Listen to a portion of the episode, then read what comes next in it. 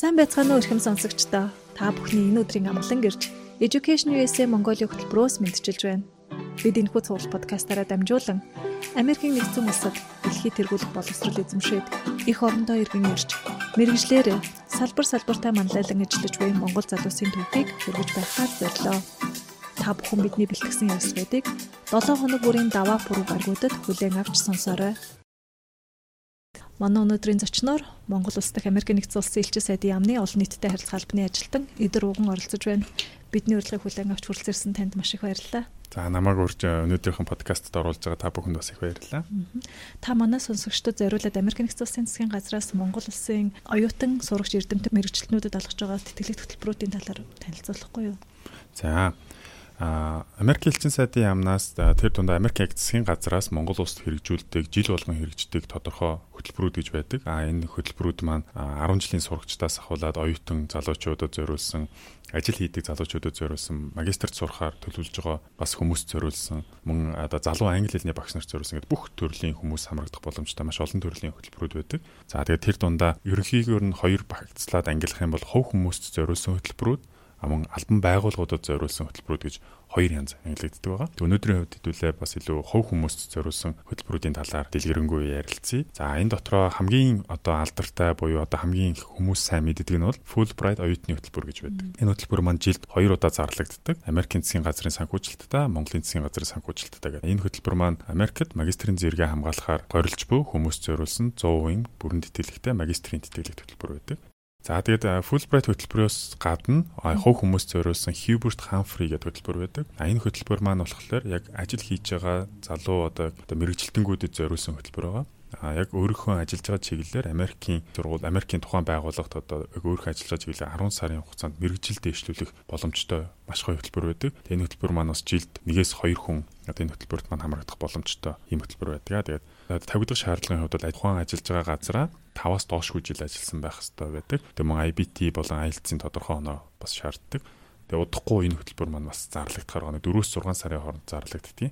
Тэгэхээр энэ хөтөлбөр маань удахгүй зарлагдана. За дараа нь багш судлаачдад зориулсан SUSI for Scholars гэдэг хөтөлбөр байдаг. Энэ бол одоо богино хугацааны одоо мэрэгжил дээшлүүлэх заа гарах зүг дээшлүүлэх хөтөлбөр байдаг. 5-аас 6-7 хоногийн хугацаатай үргэлжлэдэг хөвчлэн зуны амралтын хугацаанд хэрэгждэг хөтөлбөр байдаг. Энэ хөтөлбөр маань бас зарлагдахтаа 7-оос 8 төрлөөр зарлагддаг. Энэ дотор Америкийн соёл ба нийгэм, Америкийн орчин уран зохиол, Америкийн гадаад бодлого, Америкийн улс төр ба улс төрийн бодлого, Америкийн сэтгэл зүй, тэм үндэсний аюулгүй байдал, одоо шашны олон уралч үзэл гэх мэтчил иймэрхүү сэдвүүдээр зарлагддаг байгаа. Тэгэхээр бас яг ихтэй сургуулийн багш нар маань яг өөрийнхөө заах арга зүг сайжруулах мөн дээрэс нь өөр орны яг өөрийнхөө заадаг чиглэлээр өөр орны багш нартай туршлага суулцахаар одоо сонирхож байгаа бол SUSI for Scholars гэдэг програмыг сонирхож үзээрэй гэж зөвлөмөр жил болгон зарлагддаг. Жил болгон зарлагддаг.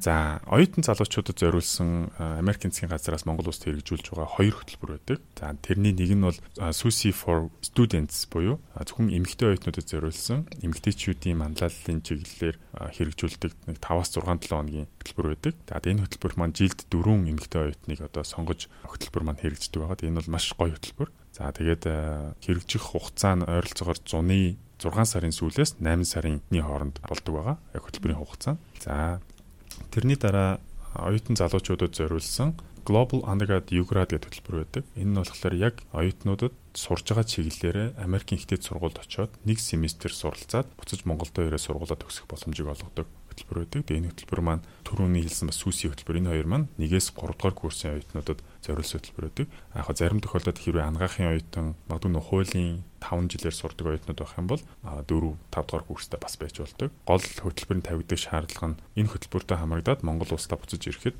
дор хаяж нэг семестрийн хичээл үлдсэн байх ёстой гэдэг үндсэн шаардлага тавигддаг байгаа. Тэгэхээр энэ хөтөлбөрүүдийг бас та бүхэн ороод сонирхож үзээрэй гэж За тэрний дараа 10 жилийн сурагчдад зориулсан одоо сүүлийн үед хүмүүс мэд сайн мэддэг болоод байгаа Flex гэдэг гоё хөтөлбөр байгаа. Тэгээд 2017 онд Монгол Америкийн одоо дипломат харилцаа тогтсны 30 жилийн ой гэж болсон. А тэр хүрээнд одоо 10 жилийн сурагчдад зориулсан хөтөлбөр өмнө нь Монгол улсад байгаагүй. Харин яг дипломат харилцаа тогтсны 30 жилийн ой хүрээнд анх одоо Flex гэдэг хөтөлбөрийг бол Монгол улсад хэрэгжүүлж хэрэгжүүлж эхлээд одоо тухайн жилдээ 10 оюутан хамрагдчихсэн сонгогдоод а түүнээс хойш одоо жил болгон энэ хөтөлбөр маань Монгол улсад хэрэгжиж эхлэхээр болоод одоо жилдээ 20 сурагч одоо энэ хөтөлбөр жил болгон хамрагдаж байна тэрнээс хойш. Хэдэн сард зарлагддаг вэ энэ? Flex хөтөлбөр 9-өөс 10 сарын үед зарлагддаг. Тэгээ Flex хөтөлбөрийг яг Монгол улсад хэрэгжүүлдэг байгууллага нь American Council Mongolia гэдэг яг төрийн бас байгууллагаар дамжин энэ хөтөлбөр маань хэрэгждэг. Тэгэхээр зарлагдах хугацаа мөн дээрээс нь сонгон шалгаруулах үйл явц мөн хаана хаана ямар хуу байдлаар одоо шалгалж үлгээ авах бүх мэдээлэл нь Facebook дээр одоо Flex Mongolia гэдэг Facebook дээр тавигддаг байгаа. Тэгэхээр энэ хөтөлбөрт сонирхож байгаа сурагчид одоо эцэг эхчүүд ирээ хүүхдэд энэ хөтөлбөрт оролцуулах хүсэж байвал бас яг Flex Mongolia гэдэг Facebook-ийг бас үзээд мэдээлэлээ саагаарай. За тэгээд дараа нь залуу багш нарт зориулсан Foreign Language FLTA гэдэг хөтөлбөр байдаг энэ хөтөлбөр маань болохоор англи хэлний залуу багш нарт зориулсан хөтөлбөр. За тэгээд энэ хөтөлбөрийн гол зорилго нь одоо Америкт монгол хэл заадаг дэд сургуулиуд гэж байдаг. Тэгээд монгол хэлний одоо танхимын багшийн туслах хийдэг ийм хөтөлбөр байгаа. Маш гоё хөтөлбөр. Тэгээд энэ хөтөлбөр маань жилд ойролцоогоор нэгээс хоёр багш үндсэндээ энэ хөтөлбөрт сонгогдсон одоо жил болгон одоо Америкт Америкт одоо монгол хэл зааж байгаа багшийн туслахаар ажилладаг байгаа. За тэгээд ерөөхдөө дуртай бол иймэрхүү хөтөлбөрүүд бол хувь хүмүүс зориулсан хөтөлбөрүүд байна. За тэгэхээр нэг хөтөлбөрийн сонгож аваад ярих үед Fulbright дээр Fulbright тэтгэлэг маань хэр өрсөлдөөнтэй явагддаг юм бол шалгаруулалт нь Өрсөлдөөний хувьд маш өрсөлдөөнтэй явагддаг. Анх Fulbright хөтөлбөр 1994 онд Монгол улсад хэрэгжиж эхэлсэн. Тухайн үед бол Америкийн засгийн газрын санхүүжилттайгаар хэрэгжиж эхлээд жилд нэг 2-оос 4 хүн л одоо энэ хөтөлбөр тэнцдэг байсан. Тэр үеэсээ эхлээд маш өрсөлдөөнтэй байсан. Аа тэгээ мэдээж энэ хөтөлбөрийн үр өгөөж Монгол улсын нийгэмд бас маш эргээр гарч байгаа тул Монгол улсын засгийн газраас бас энэ хөтөлбөрийг дэмжиж Fulbright-ийн хөтөлбөрийг одоо Монгол улсын засгийн газрынхаа санхүүжилтийн хүрээнд одоо хэрэгжүүлье гэдэг шийдвэрийг 2011 онд гаргаж ирсэн. Тэгээд 2011 оноос хойш Монгол улсын засгийн газрын санхүүжилтээр Fulbright-аар ойролцоогоор нэг 7-оос нэг 10 хүн Америкийн засгийн газрынхаа нэг 4-өөс 6 хүн явдаг болсон байгаа. Тэгээд 10 оноос хойш 11 оноос хойш бол нэг хамрагдах хүмүүсийн тоо нэмэгдсэн хэдий ч өрсөлдөөн нь бас түүнийгээ дагаад нэлээд нэмэгдсэн байна.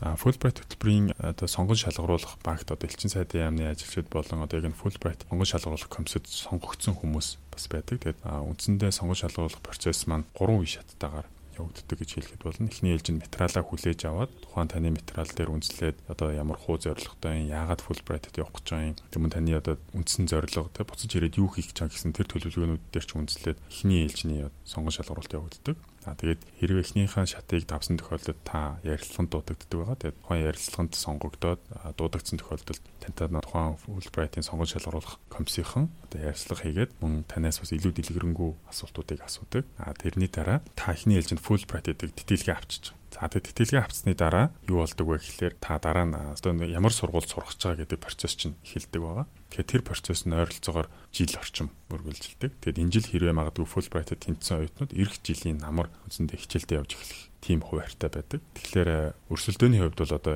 анхныхаа одоо биднэрт ирж байгаа өргөдлийн материалын хэмжээ мөн дээрээс нь одоо ярьсан дуудаж байгаа хүмүүсийн чадвар гэдгээс нь харах юм бол маш өрсөлдөөнтэй хэлбэр байгаа.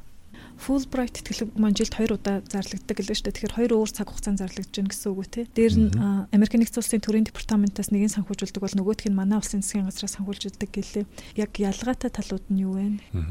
Аа Fulbright хөтөлбөрийн одоо сонгон шалгуулах процесс болон тавигдах шаардлагын хувьд бол яг адилхан. Одоо бүх үйл явц бол яг адилхан явагддаг. Аа зүгээр ялгаатай нэг хэсэг нь энэ хоёр хөтөлбөрийн санхүүжилт аль улсын засгийн газраас гарч ийнө л гэдэг. Тэн дээрээ ялгаатай. Аа мэдээж Монгол улсын засгийн газраас санхүүжилт одоо Fulbright-ийн хувьд бол Монгол улсын засгийн газрын тэргүүлэх чиглэлүүд гэж бас чиглэлүүдийг гаргаж өгдөг. А гисэн хэдий ч одоо тухайн чиглэлд ороогүй ч гэсэн өөр чиглэлээр суралцах одоо бүх чиглэлээр хүмүүс л өргөдлийн материал өгж болдог. А гэхдээ яг адилхан хүмүүс одоо яг адилхан оноотой байлаа гэхэд тэргүүлэх чиглэлийн хүмүүсээ Монгол улсын засгийн газар илүү энэ чиглэлээ бид нэ мэрэгжилтэнгүүдэд бэлдмээр байна гэдэг юмцэнтэй тийм чиглэл өгдөг гэсэн.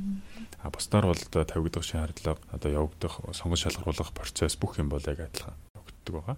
Монголын засгийн газрын санхүүжилттэй Fulbright оюутны хөтөлбөр маань яг одоо зарлагдсан байгаа. Энэ тэгээд энэ хөтөлбөрт маань өргөдөл гаргахаар сонирхож байгаа хүмүүс Америк элчин сайдын яамны вебсайт руу ороод Exchange Programs гэдэг хэсэг рүү н ороод тэгээд энэ дотроос Fulbright оюутны хөтөлбөр гэдэг хэсгийг нь монгол англи хэл дээр ямар ямар тавигдах шаардлага байдгийг ямар хуу байдлаар зарлагддгийг тэгээд хизээ хизээ энэ хөтөлбөр маань зарлагддаг талаар бүрэн мэдээллийг авах боломжтой. За яг тэдгээрээс нь товч дурдах юм бол энэ хөтөлбөрт маань яг одоогоор энэ жилийн зарлагдж байгаа одоо Fulbright-ийн хувьд тавигдах шаардлагын хувьд бакалаврын зэрэгтэй байх ёстой. А мөн 1.5 болон түүнээс дэш ажлын туршлагатай байх ёстой. Мөн англи хэлний тодорхой оноотой байх ёстой байдаг. Энэ болохоор IBT бол нэг 80-аас 90 оноо IELTS бол нэг 6.5-аас 7 оноо. За тэгэд энэ бүх тавигдах шаардлагууд маань жил болгон өөрчлөгдөж байдаг учраас хэрвээ та яг энэ хөтөлбөрийг сонирхож байгаа бол эх жил бас хэрвээ зарлагдахад энэ жилийнх нь амжааг бол эх жил зарлагдах үед нь яг ямар хуу тавигдах шаардлага байна вэ гэдгийг давхар сайн хараарай. За тэгэд энэ хөтөлбөртэй холбоотой бас төгсөгчдийн яриа гэж элчин сайдын яамнаас сар болгон Америк төгсөгчдийн холбоотой хамтран зохион байгуулдаг. Тэгээд сүүлийн ярьсан гэдний яриануд маань бас элчин сайдын яамны Facebook хуудсанд видео хэлбэрээр орсон байгаа. Тэгэхээр та бүхэн тэрийг бас нөхөж үзээд ямар хуу тавигдах шаардлагатай хүмүүс юу яаж өөрсдийн хөтөлбөрт бэлддэг талаар мэдээлэл авах боломжтой.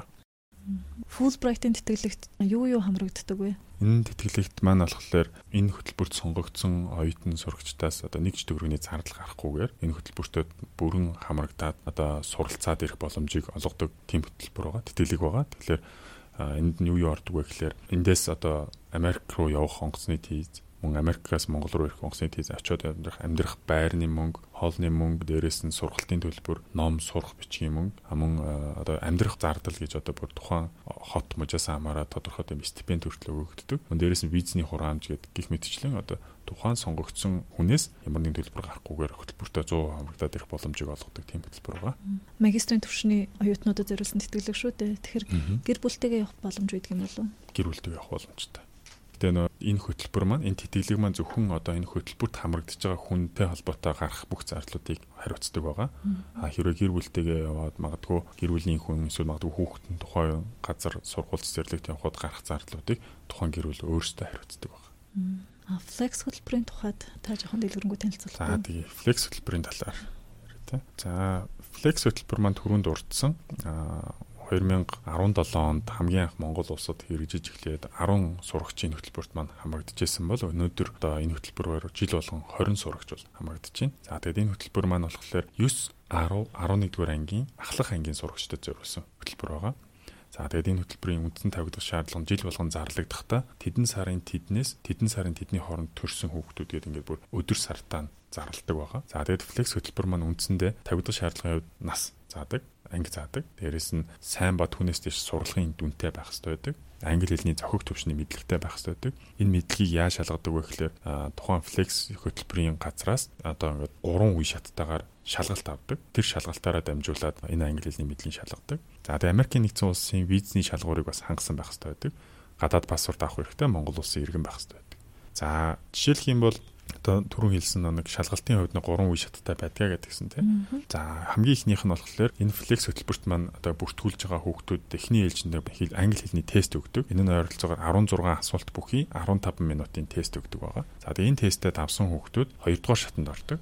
За хоёрдугаар шатныхын хэсэг дээр эссе бичдэг хэсэг байгаа. Тэгээ эссегээ англи хэлээр бичдэг. За тэгээд хоёрдугаар шатандаа тэнцсэн хүүхдүүд маань гуравдугаар шат буюу тэнд нь илүү одоо наривчлсан илүү хөндрүүлсэн англи хэлний тест, англи хэлээр эссе бичих, мөн ярилцлаганд орох, тэгээ мөн өргөдлийн маягт гэж байдаг. Тэгээ өргөдлийн маягтыг бас эцэгхийн хамт бүгэлдэг тийм үндсэн юм гурван шаттайгаар флекс хөтөлбөрийн маань сонгон шалгаруулалт явагддаг. За тэгээд энэ хөтөлбөрт маань мэдээж Монгол улсын өнцөг болон бүрд байгаа амьдарч байгаа 10 жилийн ахлах ангийн сурагчдыг хамруулахаар хичээдэг тул жил болгон зөвхөн Улаанбаатарт гэхгүй өөр өөр хөдөө орон нутгийн аймагуудад очиж ингэж бүсчилсэн байдлаар одоо шалгалтуудаа авдаг. Тохиолох юм бол өнгөрсөн жил гэх юм бол Чой балсан хотод авч исэн. Арвахиар хотод авсан. Мөн Ховд аймагт одоо Ховд хотод шалгалтыг нь авсан байгаа.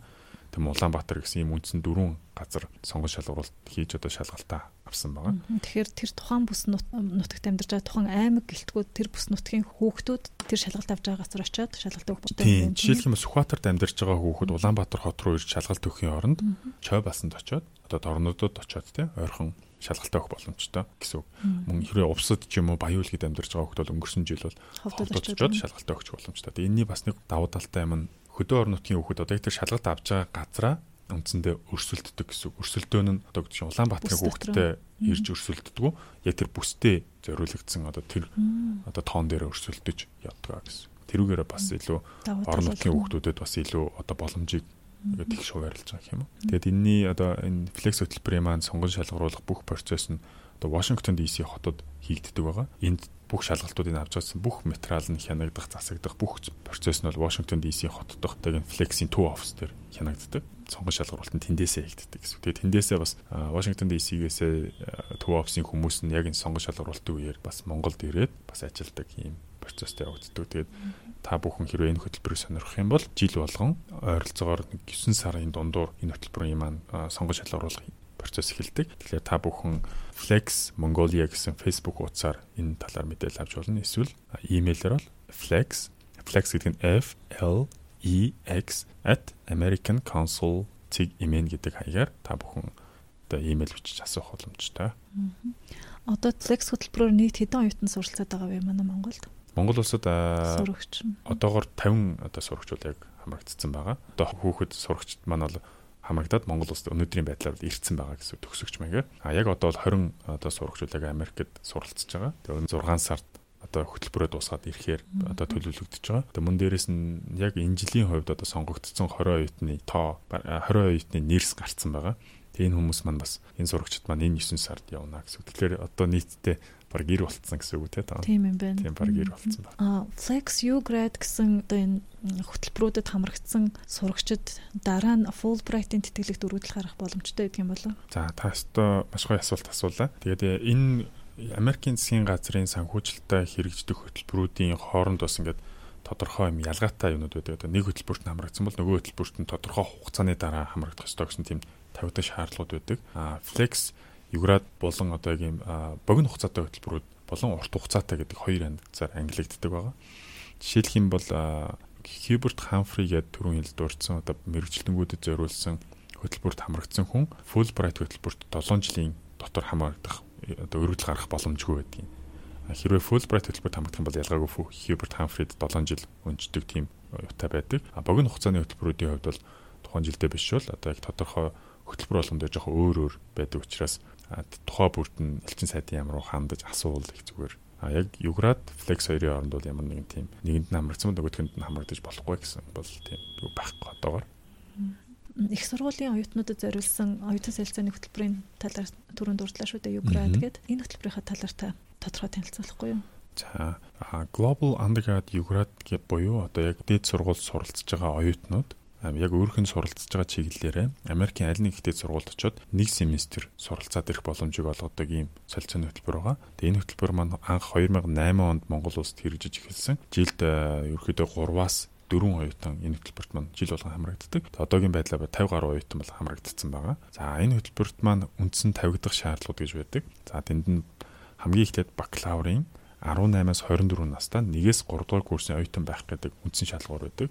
За гэхдээ нэгээс 3 дугаар курс гэдэг маань амгаахын сургуулийн оюутан уу эсвэл одоо арай олон жилээр сурдаг хуулийн ч юм уу те сургуулийн оюутан уу гэдгээс хамаарат 4 5 байж болдог.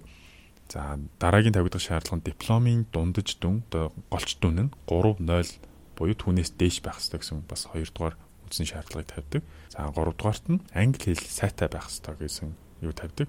Ерөнхийдөө IBT TOEFL-ийн 61 оноо авсан байх ёстой гэдэг тийм үндсэн шаардлага тавьдаг байгаа. За тэгвэл яг өргөдөл гаргах үедээ заавал оноотой байх албагүй. Хэрвээ тухайн оюутан өргөдлөө гаргаад ярилцлагандаа тэнцээд хөтөлбөртөө одоо тэтгэлэхээ авч чадах юм бол хөтөлбөрт хамрагдахаас өмнө Америкийн засгийн газраас одоо төлбөрийн төлөөд TOEFL-ийн шалгалтын өгүүлждэг ба үнэгүй өгүүлдэг ба. За өргөдөл хүлээж авах хугацаа нь 12-оос 1 сарын хооронд хүлээж авдаг. Жил болгоны 12 сард элчин сайдын яамны Facebook, вебсайт болон одоо олон нийтийн одоо өдөр тутмын сонингуудаар дамжуулаад энэ хөтөлбөрийн зар бол гардаг. Тэгээд хөтөлбөр маань 2 жилийн өмнөөс эхлээд онлайнаар өргөдөл авдаг болсон байгаа. Тэгэхээр яг энэ хөтөлбөрт сонирхож байгаа яг одоо энэ подкастыг сонсож байгаа оюутан залуучууд маань магадгүй 1 2 дугаар курс оюутан байгаа бол энэ 12 сард элчин сайдын яамны веб хуудсыг сайн үзээрэй. Яг энэ хөтөлбөрт өөрийгөө зориулж бэлтээрэй. Тэгээд гэж зөвлөмөр байна. Хөл хоройтой байгаа энэ цаг хугацааг ашиглаад шалгалтанд бэлдээд тэтгэлэгт хөтөлбөрт өөрийгөө сориод үзэхэд болохгүй байхгүй шүү дээ тий. Тийм. Тэгээд ерөөдөөс сая миний дурдсан энэ хөтөлбөрүүдээс ингээд сонсож байхад хинхэн мэдээж энэ Америк улсад одоо бүгд Америк руу явдаг одоо тэтгэлэгт одоо солилцооны хөтөлбөрүүд тэгээд англи хэлний тодорхой мэдлэг байхгүйгээр энэ хөтөлбөрт хамрагдах, сонгогдох гэдэг байдал бол их хүнд. Тийм учраас та бүхэн яг энэ одоогийн нөхцөл байдлыг ашиглаад өөрийнхөө хэлийг аягүй сайн бэлдээд тодорхой тэр яг тавигдж байгаа шаардлагуудад нь хүртэл сайн бэлдгийг бол зөвлөж байна. Эмэгтэйчүүдийн манлайлалын хөтөлбөрийн талаар түрүүнд дурдлаа л та. Тэр маш сонирхолтой санагдлаа. Тэр хөтөлбөрийнхаа талаар жоохон дэлгэрэнгүй танилцуулахгүй юу? За За сүси хөтөлбөр маань түрүүн багш судлаачдад зориулсан сүси хөтөлбөр маань ингээд 8 төрөл байдаг дурдж байсан. Яг тэрэн шиг сүси оюутнуудын хөтөлбөр гэж бас нэг аюул олон төрөл байдаг. Улс төрийн оролцоо одоо одоо юу гэдэг чинь шинийг санаас entrepreneurship энэ төр гэдэг олон төрлүүд байдаг. А тэдгээрээс яг Монгол улсад хэрэгждэг нь Susi for Women's Leadership буюу одоо яг эмэгтэйчүүдийн манлайлалын чиглэлээр одоо оюутнуудад зориулсан хөтөлбөр байдаг. За энэ нь болохоор залуучуудын нийгэм тулгамдж асуудлуудад татан оролцуулах, манлайлах ур чадварыг төлөвшүүлэх мөн олон нийтэд одоо олон нийтийн ажиллагаанд оролцох оролцоог дэмжих зорилгоор хэрэгждэг одоо яг манлайллын ур чадварыг тухайн оюутнуудад одоо илүү суулгаж өгөх тэр дундаа яг эмгтээчүүдийн манлайллыг одоо юу гэж ойлгодгийг тэгээ тэр манлайллын чиглэлээр чи улс их орондоо юу хийж чадж байгаа мөн дээрэс нь юу хийх боломжтой байна гэдгийг нь одоо ойлгоход илүү дөхөн болдог тус болдог хөтөлбөр байдаг. Тэгээ энэ хөтөлбөр маань бакалаврын зэрэг суралцж байгаа нэгээс 3 дугаар курсын эмэгтэй оюутнуудад зориулагдсан хөтөлбөр. Тэгээд ямар нэгэн TOEFL-ийн оноо болон одоо англи хэлний оноо гэж шаарддаг. А өргөдлийн маягтан дээр үндсэндээ 250 хүүхдээ эссе бичдэг. А дээрэс нь англи хэл дээр ярилцлаганд ороод англи хэлний үндсэндээ шалгуулах боломж шалгах одоо шалгачих боломжтой юм хөтөлбөр байдаг. За дийний хөтөлбөрт маань жилд жил болгон 4 оюутан хамрагдаад одоо Канзасын их сургууль руу одоо 5 7 хоногийн хувь хүний хөгжлийн чиглэлээр одоо сургалтанд хамрагддаг байгаа. За тэгээ сүүсийн хөтөлбөр маань дэлхийд даяар нийт 80 одоо эмэгтэй манлайлагчдыг цуглуулад тэгээ дөрвөн өөр сургуулийн кампус дээр одоо 20 20-оор нь хуваагаад ингээд ийм лидершип болон одоо хувь хүний хөгжлийн чиглэлээр ийм богино эрчимжүүлсэн сургалтанд хамрагдаад буцаад одоо аюулаа уулзаад за би юу сурав яав одоо яаж болохоор байна гэд ийм өөр өөрсдийн гэсэн төсөл боловсруулад өөрсдийн гэсэн санаагаа боловсруулад ирэх боломжийг олгодог их гоё хөтөлбөр байгаа. Тэгээд тийм байна. Тийм тэгээд сонгогдсон эмэгтэй оюутнууд маань 6 сарын сүүлээс 8 сарын хооронд үндсэндээ яг Америкийн аль нэг ихтэй зургуулын хуваарлаг зэгтэй зургуул дээр очиод кампус маягаар байрлаад одоо дотор баримт амьдраад сургалтаа аваад явдаг байгаа. 100% тэтгэлэг үү? 100% тэтгэлэгтэй. Аа бүх одоо миний саяны дурдсан хөтөлбөрүүд маань одоо Америкийн засгийн газрын одоо 100% тэтгэлэгтэй тийм хөтөлбөрүүд байгаа. За тэгээд зарлагдах хугацаа нь 10-аас 11 сарын хооронд элчин сайдын яамны бүх сошиал медиа болон вебсайтаар дамжуулан зарлагддаг. Тэгээд та бүхэн хэрвээ энэ хөтөлбөрт одоо яг энэ подкастыг сонсож байгаа эмэгтэй оюутнууд маань тийм мандалагч оюутнууд маань энэ хөтөлбөрийг бас сонирхоод үзээрэй. Тэгээд яг одоо энэ хөтөлбөрт бас хамрагдсан оюутнуудын өөрсдийнхөө туршлагыг хуваалцсан манай видео байгаа. Элчин сайдын Facebook хуудсанд видео гэдэг хэсэгт нь. Тэгэхээр тийшээ бас ороод бас сонирхоод үзээрэй гэж зөвлөмөр байна. Хьюберт Хамфри тэтгэлэг хөтөлбөрийн талаар мэдээлэл өгөхгүй та. Тийм Хьюберт Хамфри хөтөлбөр маань болохоор за яг ямар хуу хүмүүст ер нь зориулсан хөтөлбөр вэ гэдгээс нь эхлэе л да тийм. Одоо дунд насны чадварлаг одоо яг Америкт мэрэгжил боловсрлоо дээшлүүлэх одоо боломжийг олгодог хөтөлбөр байгаа л да. Тэгэхээр одоо үүд чи магистрт сурчих ихлээр хитрхийн удаан тий 2 жил сурчих гад байдаг. Тэгсээр надаа ингээд эхнийхээ магистр хэсгүүл хийцэн ч юм уу тий нэг өөр газар хийцэн тий яг ингээд ажил дээр ингээд олон жил ажилласан одоо ингээд 5-аас дээш жил ажилласан. Одоо нэг өөрийгөө нэг цэнэглэе эсвэл өөрийгөө нэг илүү нэг сайжруулъя гэж одоо бодож байгаа мэрэгжилтэнгүүдэд зориулсан хөтөлбөр байгаа л да. Тэгээд энэ хөтөлбөр маань болохоор 10 сарын хугацаатай яг өөрийнхөө чиглэлээр одоо тухайн амьдарч байгаа газрынхаа ихтэй сургуулиуд бас хичээл аваад мөн тухайн чиглэлээр үйл ажиллагаа явуулдаг Америкийн байгууллагууд ингээд дадлага их боломжийг олгодог маш гоё хөтөлбөр байдаг. Аа тэгээд энэ хөтөлбөрт маань тавигдах шаардлагуудын хувьд хэм бол нэгдүгээр бакалавр болон түүнтэй дүүцэх үз зэрэгтэй байх хэрэгтэй байдаг. За тэгээ өргөдөл гаргаж явах үедээ мэрэгчлэрээ 5-аас доошгүй жил ажилласан туршлагатай байх хэрэгтэй байдаг. Мөн дээрээс нь удирдах чадвар одоо нийгмийн үйлчлэгээний үйлчлэгээ батлан харуулах буюу одоо нийгэмдээ идэвхтэй оролцдог манлайлагч нар мөн дээрээс нь бодгоо удирдах албан тушаал хачдаг хүн бол тэрийг хідэн хүн одоо ямар хөө байдлаа удирдах яаж ямар хилцгийг авч явдаг энэ төр бас харуулахыг одоо зөвлөдөг. За 3 дугаарт нь англи хэлний бас оноотой авахыг шаарддаг. Тэгээ Хьюберт Хамфри хөтөлбөр маань англи хэлний оноог үндсэндээ хоёр янзаар тавьдаг байгаа. Нэгдүгээрт IBT-гийн 71 оноотой байхыг шаарддаг. Хэрвээ IBT-гийн оноо байхгүй бол TOEFL ITP гэдэг оноо байдаг шүү дээ. Paper based цаасаар өгдөг TOEFL-ийн тийм. Тим шалгалтын 530 оноотой болдог. За хэрвээ тэр тухайн одоо өргөдөл гаргаж байгаа хүний англи хэлний мэдлэг магадгүй хөдөө орон нутагт амьдардаг ч юм уу эсвэл Улаанбаатар хотод байдаг ч гэсэн ингээд англи хэлний мэдлэг нь тодорхой 71 оноод хүрэхгүй байж болно. А тэр тохиолдолд энэ хөтөлбөрөө эхлэхээс өмнө 3 сарын хугацаатай англи хэлний курст Америкта сураад тэгээд хөтөлбөрөө эрхлүүлэх боломжийг бас энэ хөтөлбөр маань олгодог. А тэгэхээр тэр үеийг тэрийг хизээ хийх ёстой вэ гэхээр өргөдөл гаргах үедээ тухайн хүн за би extended version буюу одоо ингээд англи хэлний хөтөлбөртөө урт Хамфри хөтөлбөрийн өргөдөл гаргаж байна. Эсвэл англи хэлний 3 сарыг нь халгасаад зөвхөн 10 сарын Хамфри хөтөлбөрт хамрагдаж байна гэдэг хоёр төрлөөр үндсэндээ хүн өргөдөл гаргаж болдог.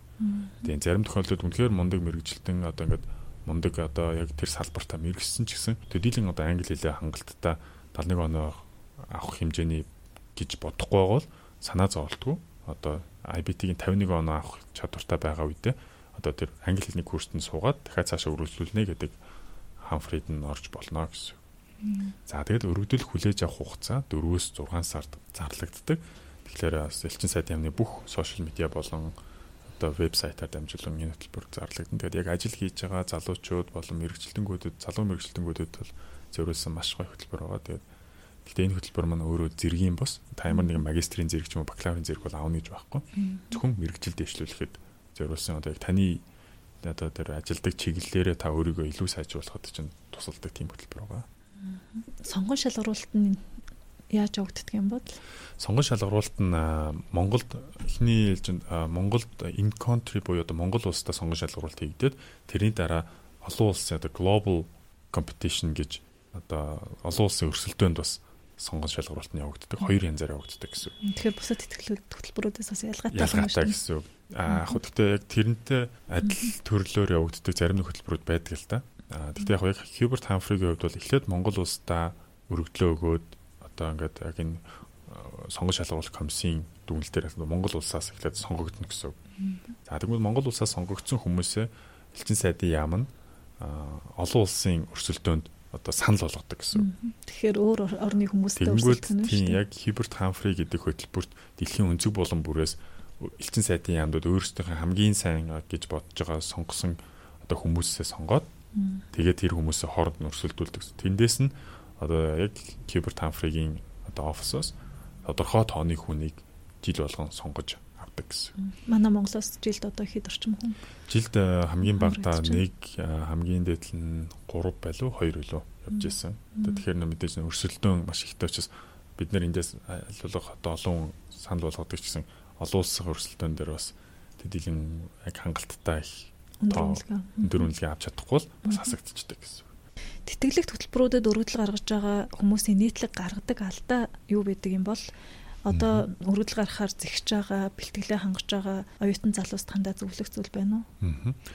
За нийтлэг гаргадаг алдаа бас нэг хит хитэн яг нийтлэг гаргадаг алдаанууд байна. Одоо өргөдөл гаргаж байгаа хүмүүст тий зориулж хандаж хэлэхэд хамгийн эхлээд хүмүүс маань яг энэ тэтгэлэг төлбөрүүдийн цаг хугацааг маш сайн төлөвлөх хэрэгтэй. А одоо гэдэг чинь одоо 2020 оны 1 сарын 12-ны өдрийн 12 цаг гэсэн байгаа бол яг л 12 цаг гэсэн үг. 12 цаг 1 минут гэж ерөөсөө байхгүй. Тэгэхээр тэн дээр хүмүүс маань маш их одоо өгдөг чинь 1 минут хоцорчлоо. Эсвэл одоо имэйлээр явуулах гэсэн чинь интернет маань гацчихлаа.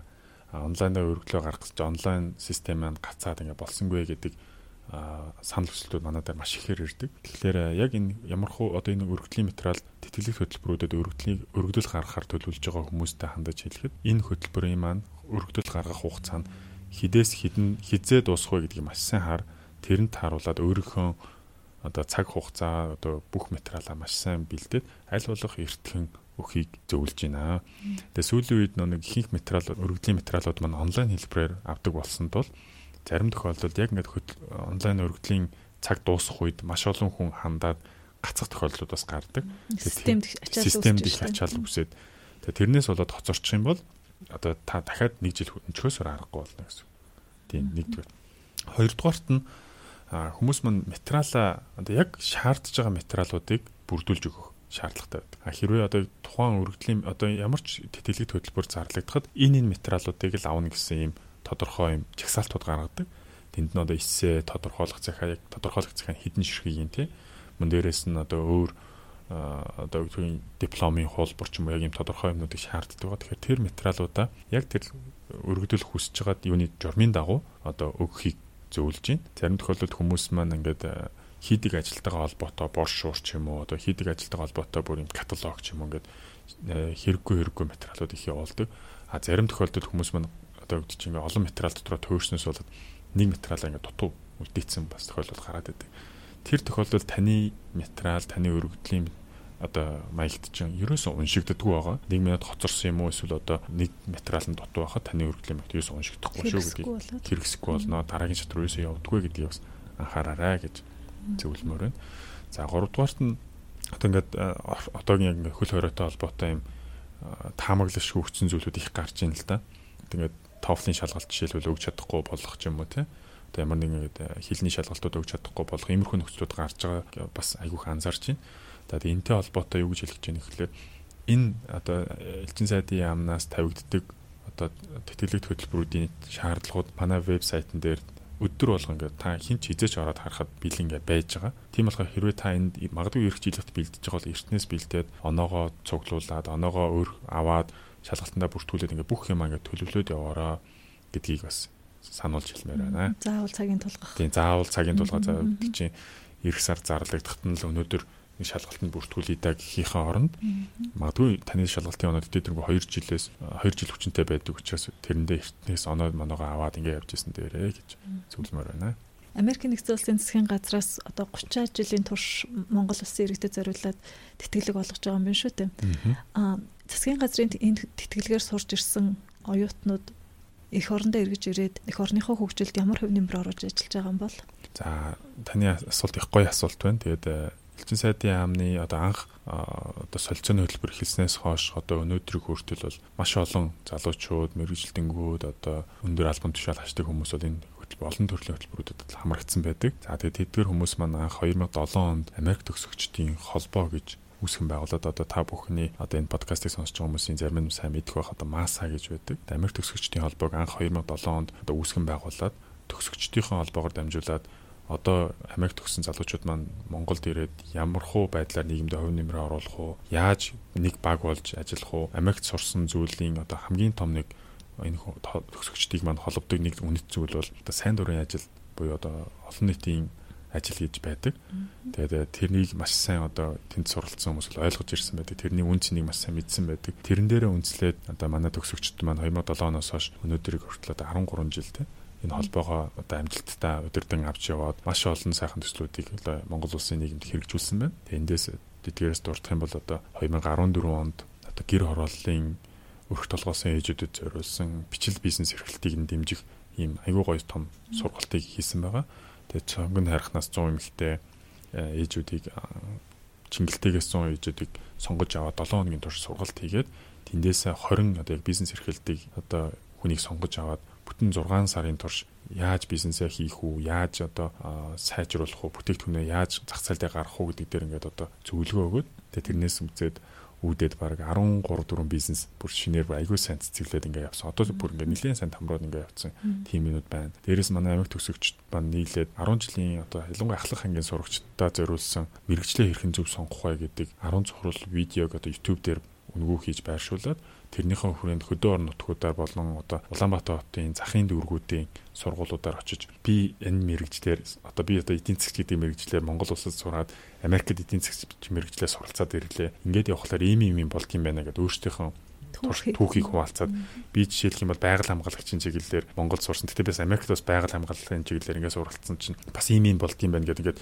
яг өөрсдийнхөө түүхийг яг мэрэгчлээ сонгох гэж байгаа тэр дүүнэртээ очиж бас хуваалцах тэр ажлыг маш амжилттай зохион байгуулсан. Тэгээ 2018 он бол 19 онд ойролцоогоо 6 аймагуудаар яваад Америк элчин сайдын хамтгаа хамтраад 6 аймгаар явж бараг 1000 гаруй хүүхдүүдтэй бичлэн уулзч одоо ингэ зөвлөгөө өгсөн байгаа. Тэгэхээр энэ мэт ажлуудыг бол одоо хамт нийлж өнгөрсөн жилүүдэд одоо 17 орчим ойролцоогоо 17 орчим томоохон төслүүдийг ойролцоогоор 250 гаруй мянган доллар босгож одоо хийсэн байгаа. Одоо санхүүжилтийг одоо өөрсдийнхөө хүчээр олоод одоо хэрэгжүүлсэн тийм мундаг амжилттай явж байгаа. Та манай подкастын дараагийн дугаарын зочноор хэнийг урьж оролцуулахаар санал болгох вэ? Америк төгсөгчдийн холбоо буюу одоо МАСАгийн өмнөх ерөнхийлөгч гэхдээ Булган туяа хичээг бол одоо дараагийн подкастад бол одоо би оруулмаар байна.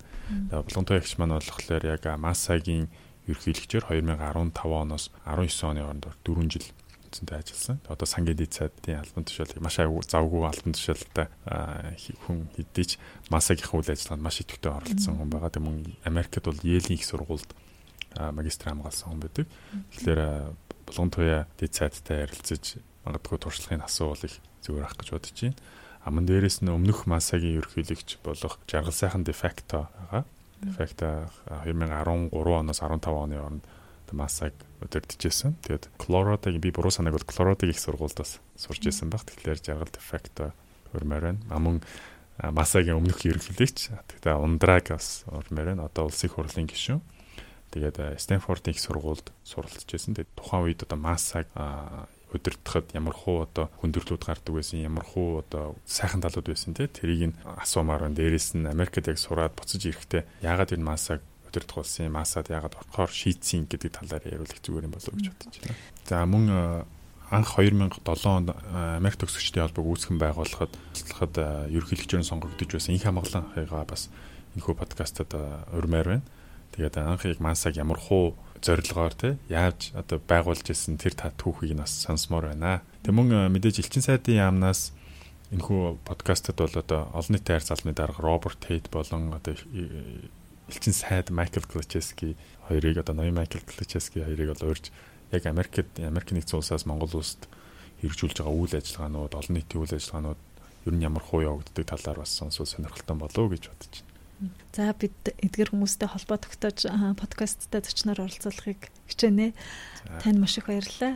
Манай өнөөдрийн зочноор Монгол Улс дахь Америкийн нэгдсэн улсын элчин сайдын яамны олон нийтийн харилцаа албаны ажилтан Эдэр уган оролцлоо. Бидний урилгыг хүлээн авч манай студид хүрэлцэрсэн танд маш их баярлалаа. Таны цаашдын ажил үст өндөр амжилт хүсье. Баярлалаа. За баярлалаа. Бүгдээрэнд нь амжилт хүсье. Америкийн нэгдсэн улсын засгийн газраас санхүүжүүлдэг Education USA Mongolia хөтөлбөрийн хэрэгжүүлэгчээр Монгол дахь Америк төгсөгчдийн холбоо ажиллаж байна та Америкт ихтэй сургуульд хэрхэн суралцах тухай цогц үнэн зөв мэдээллийг үн төлбөргүй авахыг хүсвэл Education USA Mongolia хөтөлбөрийн боловсролын зөвлөгөөдөд хандаарай. Бидэнтэй холбогдохыг хүсвэл www.masa.org-ийн цахим хуудасаар хандж болохоос гадна Facebook, Twitter, Instagram дээр Education USA Mongolia дагаарай. Ирэх даваа гарагт иргэн уулзлаа түр баяртай.